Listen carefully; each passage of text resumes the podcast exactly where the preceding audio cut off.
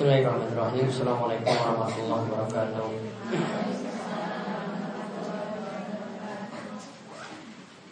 Innalhamdulillah Nahmadu wa nasta'inuhu wa nastaghfiruh. Wa na'udhu billahi min sururi anfusina Wa min sayyati amalina.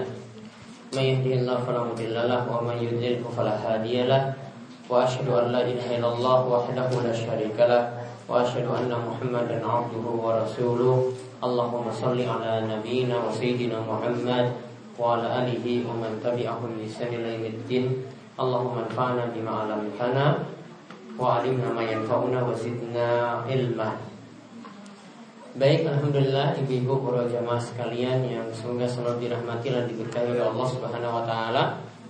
Kita bersyukur pada Allah atas nikmat yang telah Allah anugerahkan kepada kita sekalian sehingga pada kesempatan Malam hari ini kita dapat melanjutkan kembali kajian secara rutin setiap malam Sabtu di mana kali ini kita akan mempelajari pelajaran yang sama yaitu yang pertama adalah tafsir juz amma, terakhir surat Al-Fil dan sekarang kita lanjutkan surat Al-Humazah.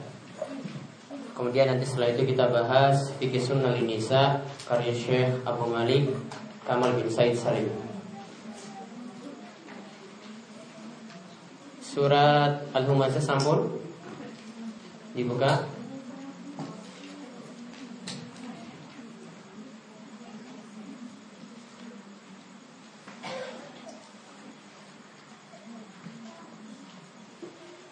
Pun? Ya kita mencesaringan saking tahun. A'udhu billahi rajim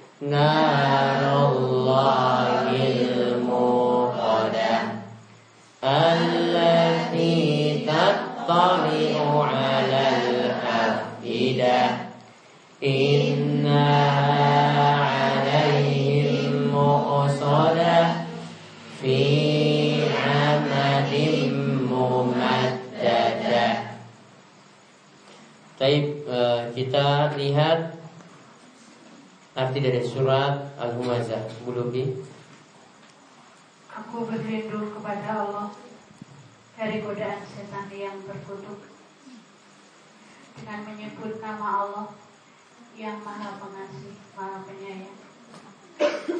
Telah kalah bagi setiap pengumpat dan pencela yang mengumpulkan harta dan menghitung-hitungnya. Yang mengira bahwa hartanya itu dapat mengekalkannya. Sekali-kali tidak. Pasti dia akan dilimparkan ke dalam neraka utama. Dan tahukah kamu apakah neraka utama itu? Yaitu api azab Allah yang dinyalakan yang membakar sampai ke hati. Sungguh api itu ditutup rapat atas diri mereka sedang mereka itu diikat pada tiang-tiang yang panjang. Baik. Kita lihat pembahasan surat Al-Humazah. Surat ini terdiri dari 9 ayat. Ini menceritakan tentang orang yang suka mencela, hitung-hitung harta, kemudian diancam nantinya dengan neraka utama dan nanti akan dijelaskan perihal atau sifat-sifat dari neraka. Baik dalam ayat yang pertama wailul likulli humazatil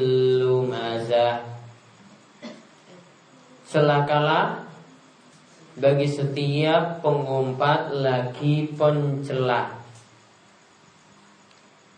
Nah, sekarang kita perlu lihat di sini ada dua kata humaza dan lumaza. Ya. Kita catat dulu faedah pertama dari surat Al-Humazah.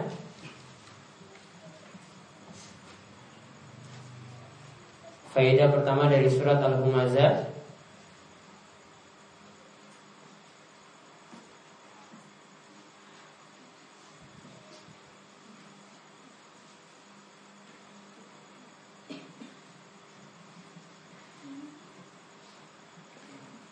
Saya sebutkan beberapa pengertian saja karena di sini para ulama ada beberapa pendapat. Yaitu humaza. Humaza. Ini faedah pertama gih humaza bermakna menggibah atau menjelek-jelekan di belakang. Bermakna menggibah atau menjelek-jelekan di belakang. Jadi orangnya nggak ada, kemudian dia bicarakan jelek. Itu namanya menjelek-jelekan di belakang. Dan yang dia jelek-jelekan ini kalau namanya gibah itu masih ada pada orang tersebut. Artinya ya benar ada. Misalnya ketika Aisyah radhiyallahu anha itu lihat ada orang yang pendek itu datang. Kemudian dia beri isyarat pada Nabi SAW Itu loh lihat, lihat, lihat, lihat Kemudian Nabi SAW katakan pada Aisyah Itu namanya gibah Walaupun memang benar dia pendek Kamu jelek-jelekan dia di belakang Itu namanya gibah Kemudian lumaza dengan L Tadi humaza dengan H Ini lumaza dengan L ya. Lumaza.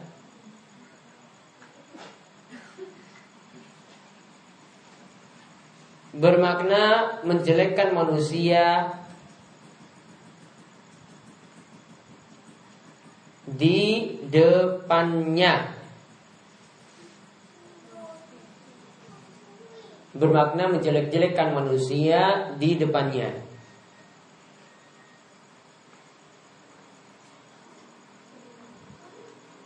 Titik. Ada juga makna yang lain.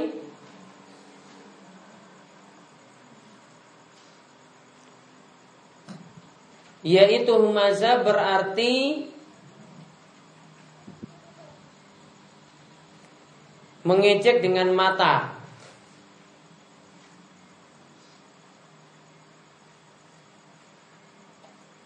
Ya berarti mengejek dengan mata. Jadi dia pakai isyarat mata ketika itu. Kemudian lumaza mengejek dengan lisan. Mengejek dengan lisan.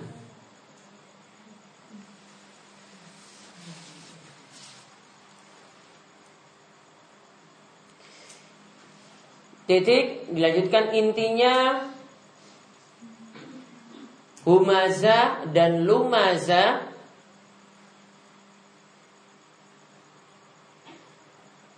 Sama-sama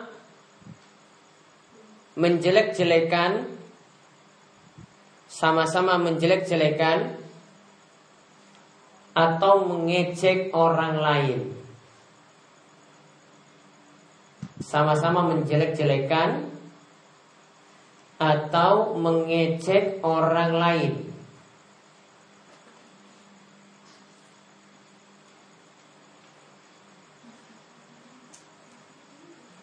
Nah kemudian faedah yang kedua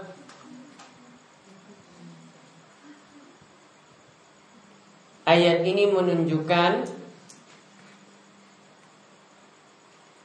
Ancaman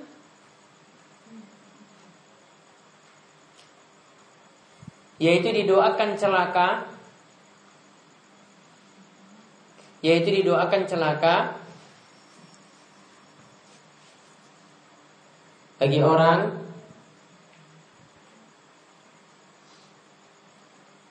yang suka mencela dan menjelek-jelekan.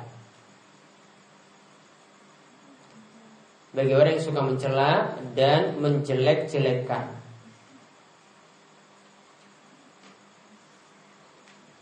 Faedah yang ketiga Kata while W A I L While Itu bisa bermakna Nama lembah di neraka. Itu bisa bermakna Nama lembah di neraka Dari tadi kalau kita sebut wailul lumaza berarti maknanya orang ini yang suka mencela dan menjelek-jelekan itu diancam dengan lembah di neraka, akan dimasukkan dalam lembah di neraka. Kemudian pada ayat yang kedua disebutkan allazi jama'a malau yaitu yang mengumpulkan harta dan menghitung hitungnya. Dia mengumpulkan harta dan menghitung-hitungnya. Faedah yang keempat. Yang dimaksud mengumpulkan harta dan menghitung-hitungnya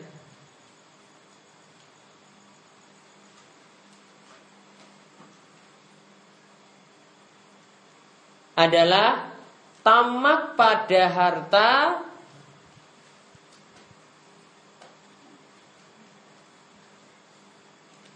tamak pada harta dan tidak punya semangat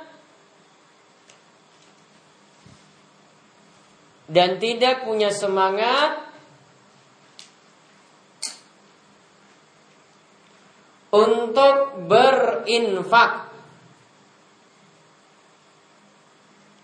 dan tidak tidak punya semangat untuk berinfak. Atau sodakoh.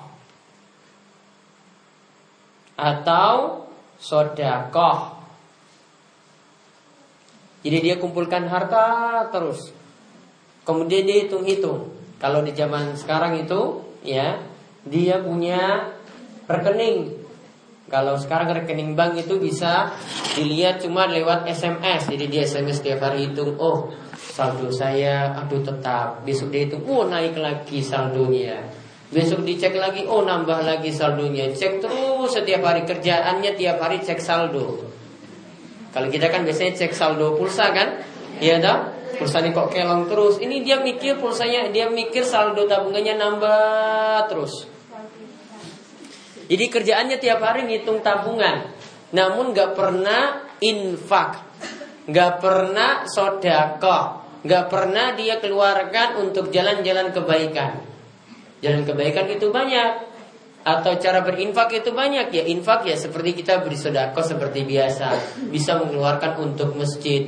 Bisa juga kasih orang yang gak ada kerjaan ya dikasih kerjaan biar bisa kerja. Itu juga termasuk berinfak atau sodakoh. Nah kemudian yang ayat yang ketiga, ya sabu anna malahu akhlada. Yang mengumpulkan harta tadi, dia kira bahwasanya hartanya itu bisa membuat dia itu kekal. Dia menyangka bahwasanya harta itu bisa membuat dia hidup selamanya di dunia. Maka faedah yang ke lima yang bisa kita ambil karena kebodohan karena kebodohan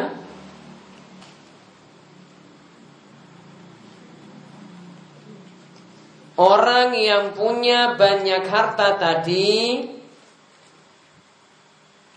karena kebodohan orang yang punya harta tadi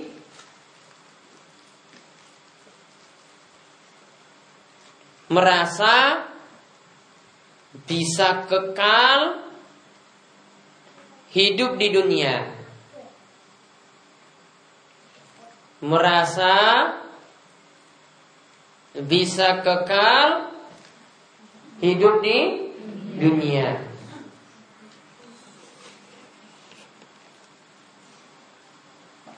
Atau dia merasa umurnya bisa bertambah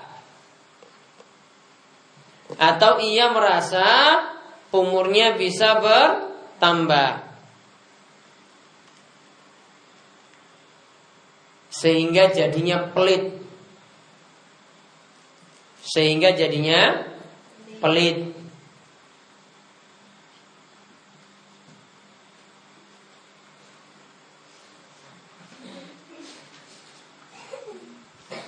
Dilanjutkan padahal sifat pelit malah mengurangi umur.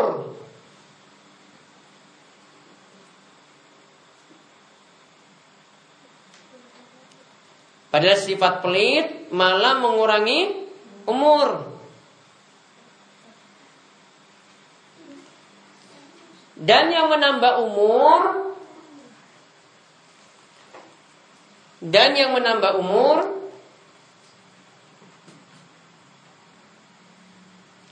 hanyalah dengan amalan kebajikan.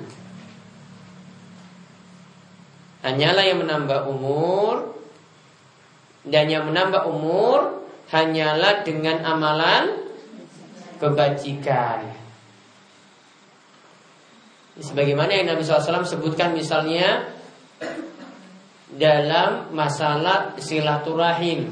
Nabi katakan, Man aroda Man ahabba ayyubsata lahu fi rizqihi wa ayun sa'alahu fi fi jasadihi falyasil rahimah. Siapa yang suka agar umurnya itu dipanjangkan dan rizkinya itu diberkahi ya atau ditambah maka falyasil rahimah. Maka jalillah hubungan silaturahimnya itu kekeluargaan atau kerabat. Jalillah hubungan dengan kerabat. Amalan kebajikan malah bisa nambah umur. Namun nambah umurnya tadi tidak bisa keluar dari takdir Allah. Jadi nambah umurnya juga dengan tak takdir jadi orang yang silaturahim ya dia biasanya nelpon keluarganya bantu keluarganya termasuk juga orang tuanya dia itu hubungi, sedulur-sedulurnya juga demikian, maka dia dapat keutamaan dua, yaitu umurnya ditambah, kemudian rizkinya juga di, ditambah, dilapangkan. Yang dimaksud di sini kata para ulama, umurnya ditambah, ini tetap sesuai dengan takdir. Artinya kalau ditakdirkan umurnya 60 tahun ya tetap 60. Ya, tidak kita katakan di sini berubah gara-gara silaturahmi tadi tidak. Namun bisa bertambah, namun itu nanti juga sesuai dengan takdir Allah. Tetap Allah tahu umurnya ya segitu pula. Ya, jadi intinya yang paling bagus kita pahami atau mudah dipahamkan umurnya artinya tambah berkah karena diisi dengan kebajikan-kebajikan. Kemudian ayat yang berikutnya setelah yasabu anna malahu akhladah kalla la yumbadanna fil hutama wa ma adraka mal hutama narullahil muqadah dan seterusnya. Di sini dijelaskan sifat neraka hutama. Kita lihat dikatakan kala la yumbadanna fil hutama dalam ayat keempat sekali-kali tidak sesungguhnya dia benar-benar akan dilemparkan ke dalam neraka hutama. Tulis faedah yang ke 6 di antara nama neraka adalah hutama. Di antara nama neraka adalah Hutomah. Hutomah.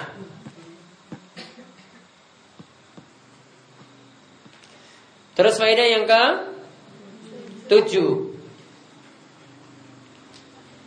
Sifat-sifat neraka hutama Sifat-sifat neraka hutama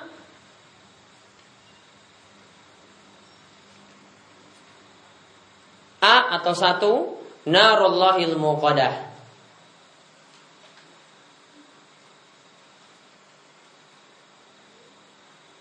Dalam neraka hutama ada api yang dinyalakan dalam neraka utama itu ada api yang dinyalakan.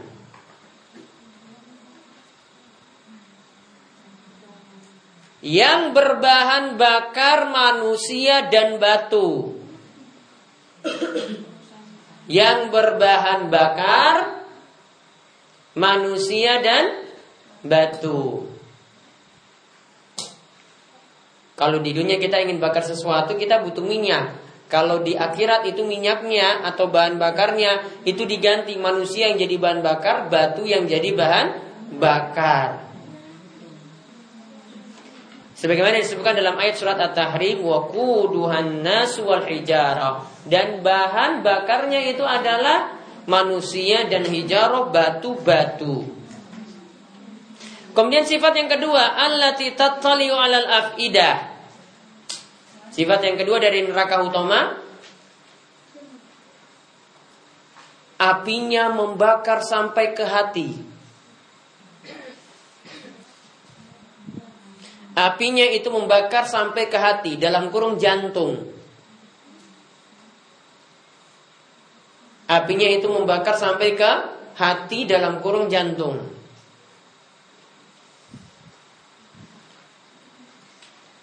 Kalau biasanya ada api di dunia paling cuma bakar kulit. Namun ini dirasakan sampai ke ke jantung. Lihat dahsyatnya api neraka ketika itu. Maka dilanjutkan, ini menunjukkan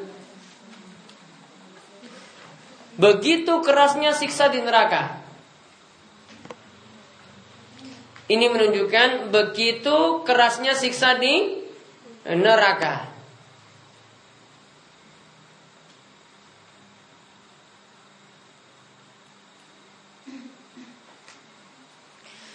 Kemudian sifat yang ketiga atau C Inna alaihim mu'sodah.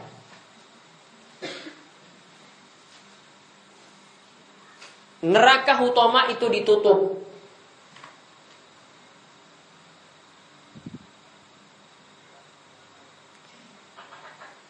Dan orang yang sudah masuk tidak bisa keluar. Dan orang yang sudah masuk tidak bisa keluar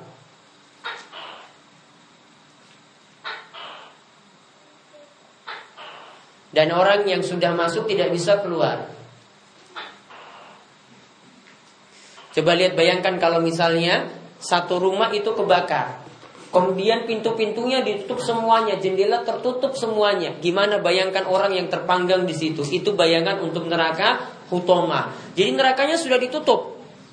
Orang yang sudah masuk ya tertutup ketika itu, ya dan tidak bisa keluar-keluar. Nah kemudian sifat yang keempat fi amadim mumat dada.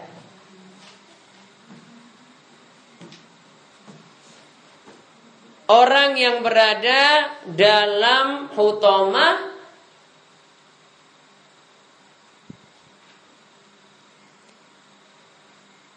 diikat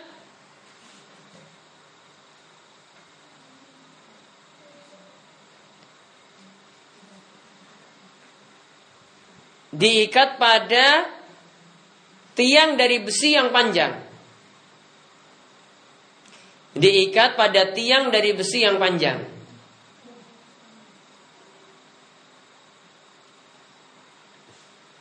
Diikat pada tiang besi yang panjang.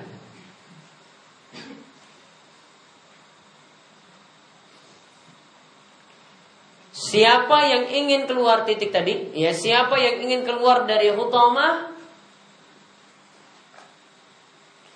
Siapa yang ingin keluar dari neraka hutama?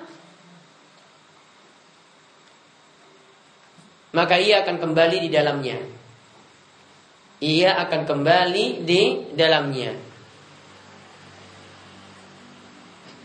Sebagaimana misalnya disebutkan dalam surah As-Sajdah ayat 20, kullama aradu minha u'idu fiha. Setiap kali mereka hendak keluar dari neraka tersebut, mereka akan dikembalikan lagi ke dalamnya. Mau keluar ke pintunya, dimasukkan lagi. Mau keluar lagi, dimasukkan lagi. Berulang-ulang seperti itu terus.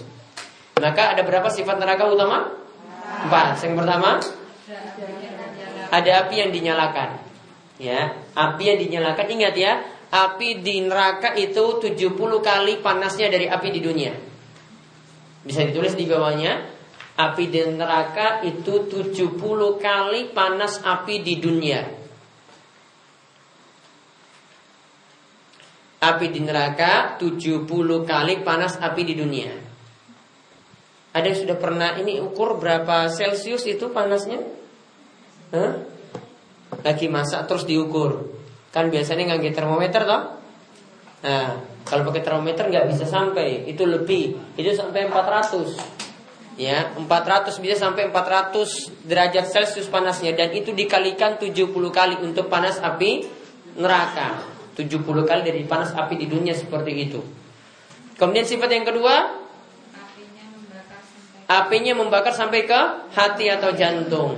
Kemudian sifat yang ketiga, nerakanya itu tertutup. Sifat yang keempat ada tiang dari besi yang panjang untuk mengikat orang yang berada dalam neraka tadi. Jadi dia tidak bisa keluar-keluar dalam keadaan tertutup di situ. Kalau ingin keluar, dimasukkan lagi dalam neraka tadi.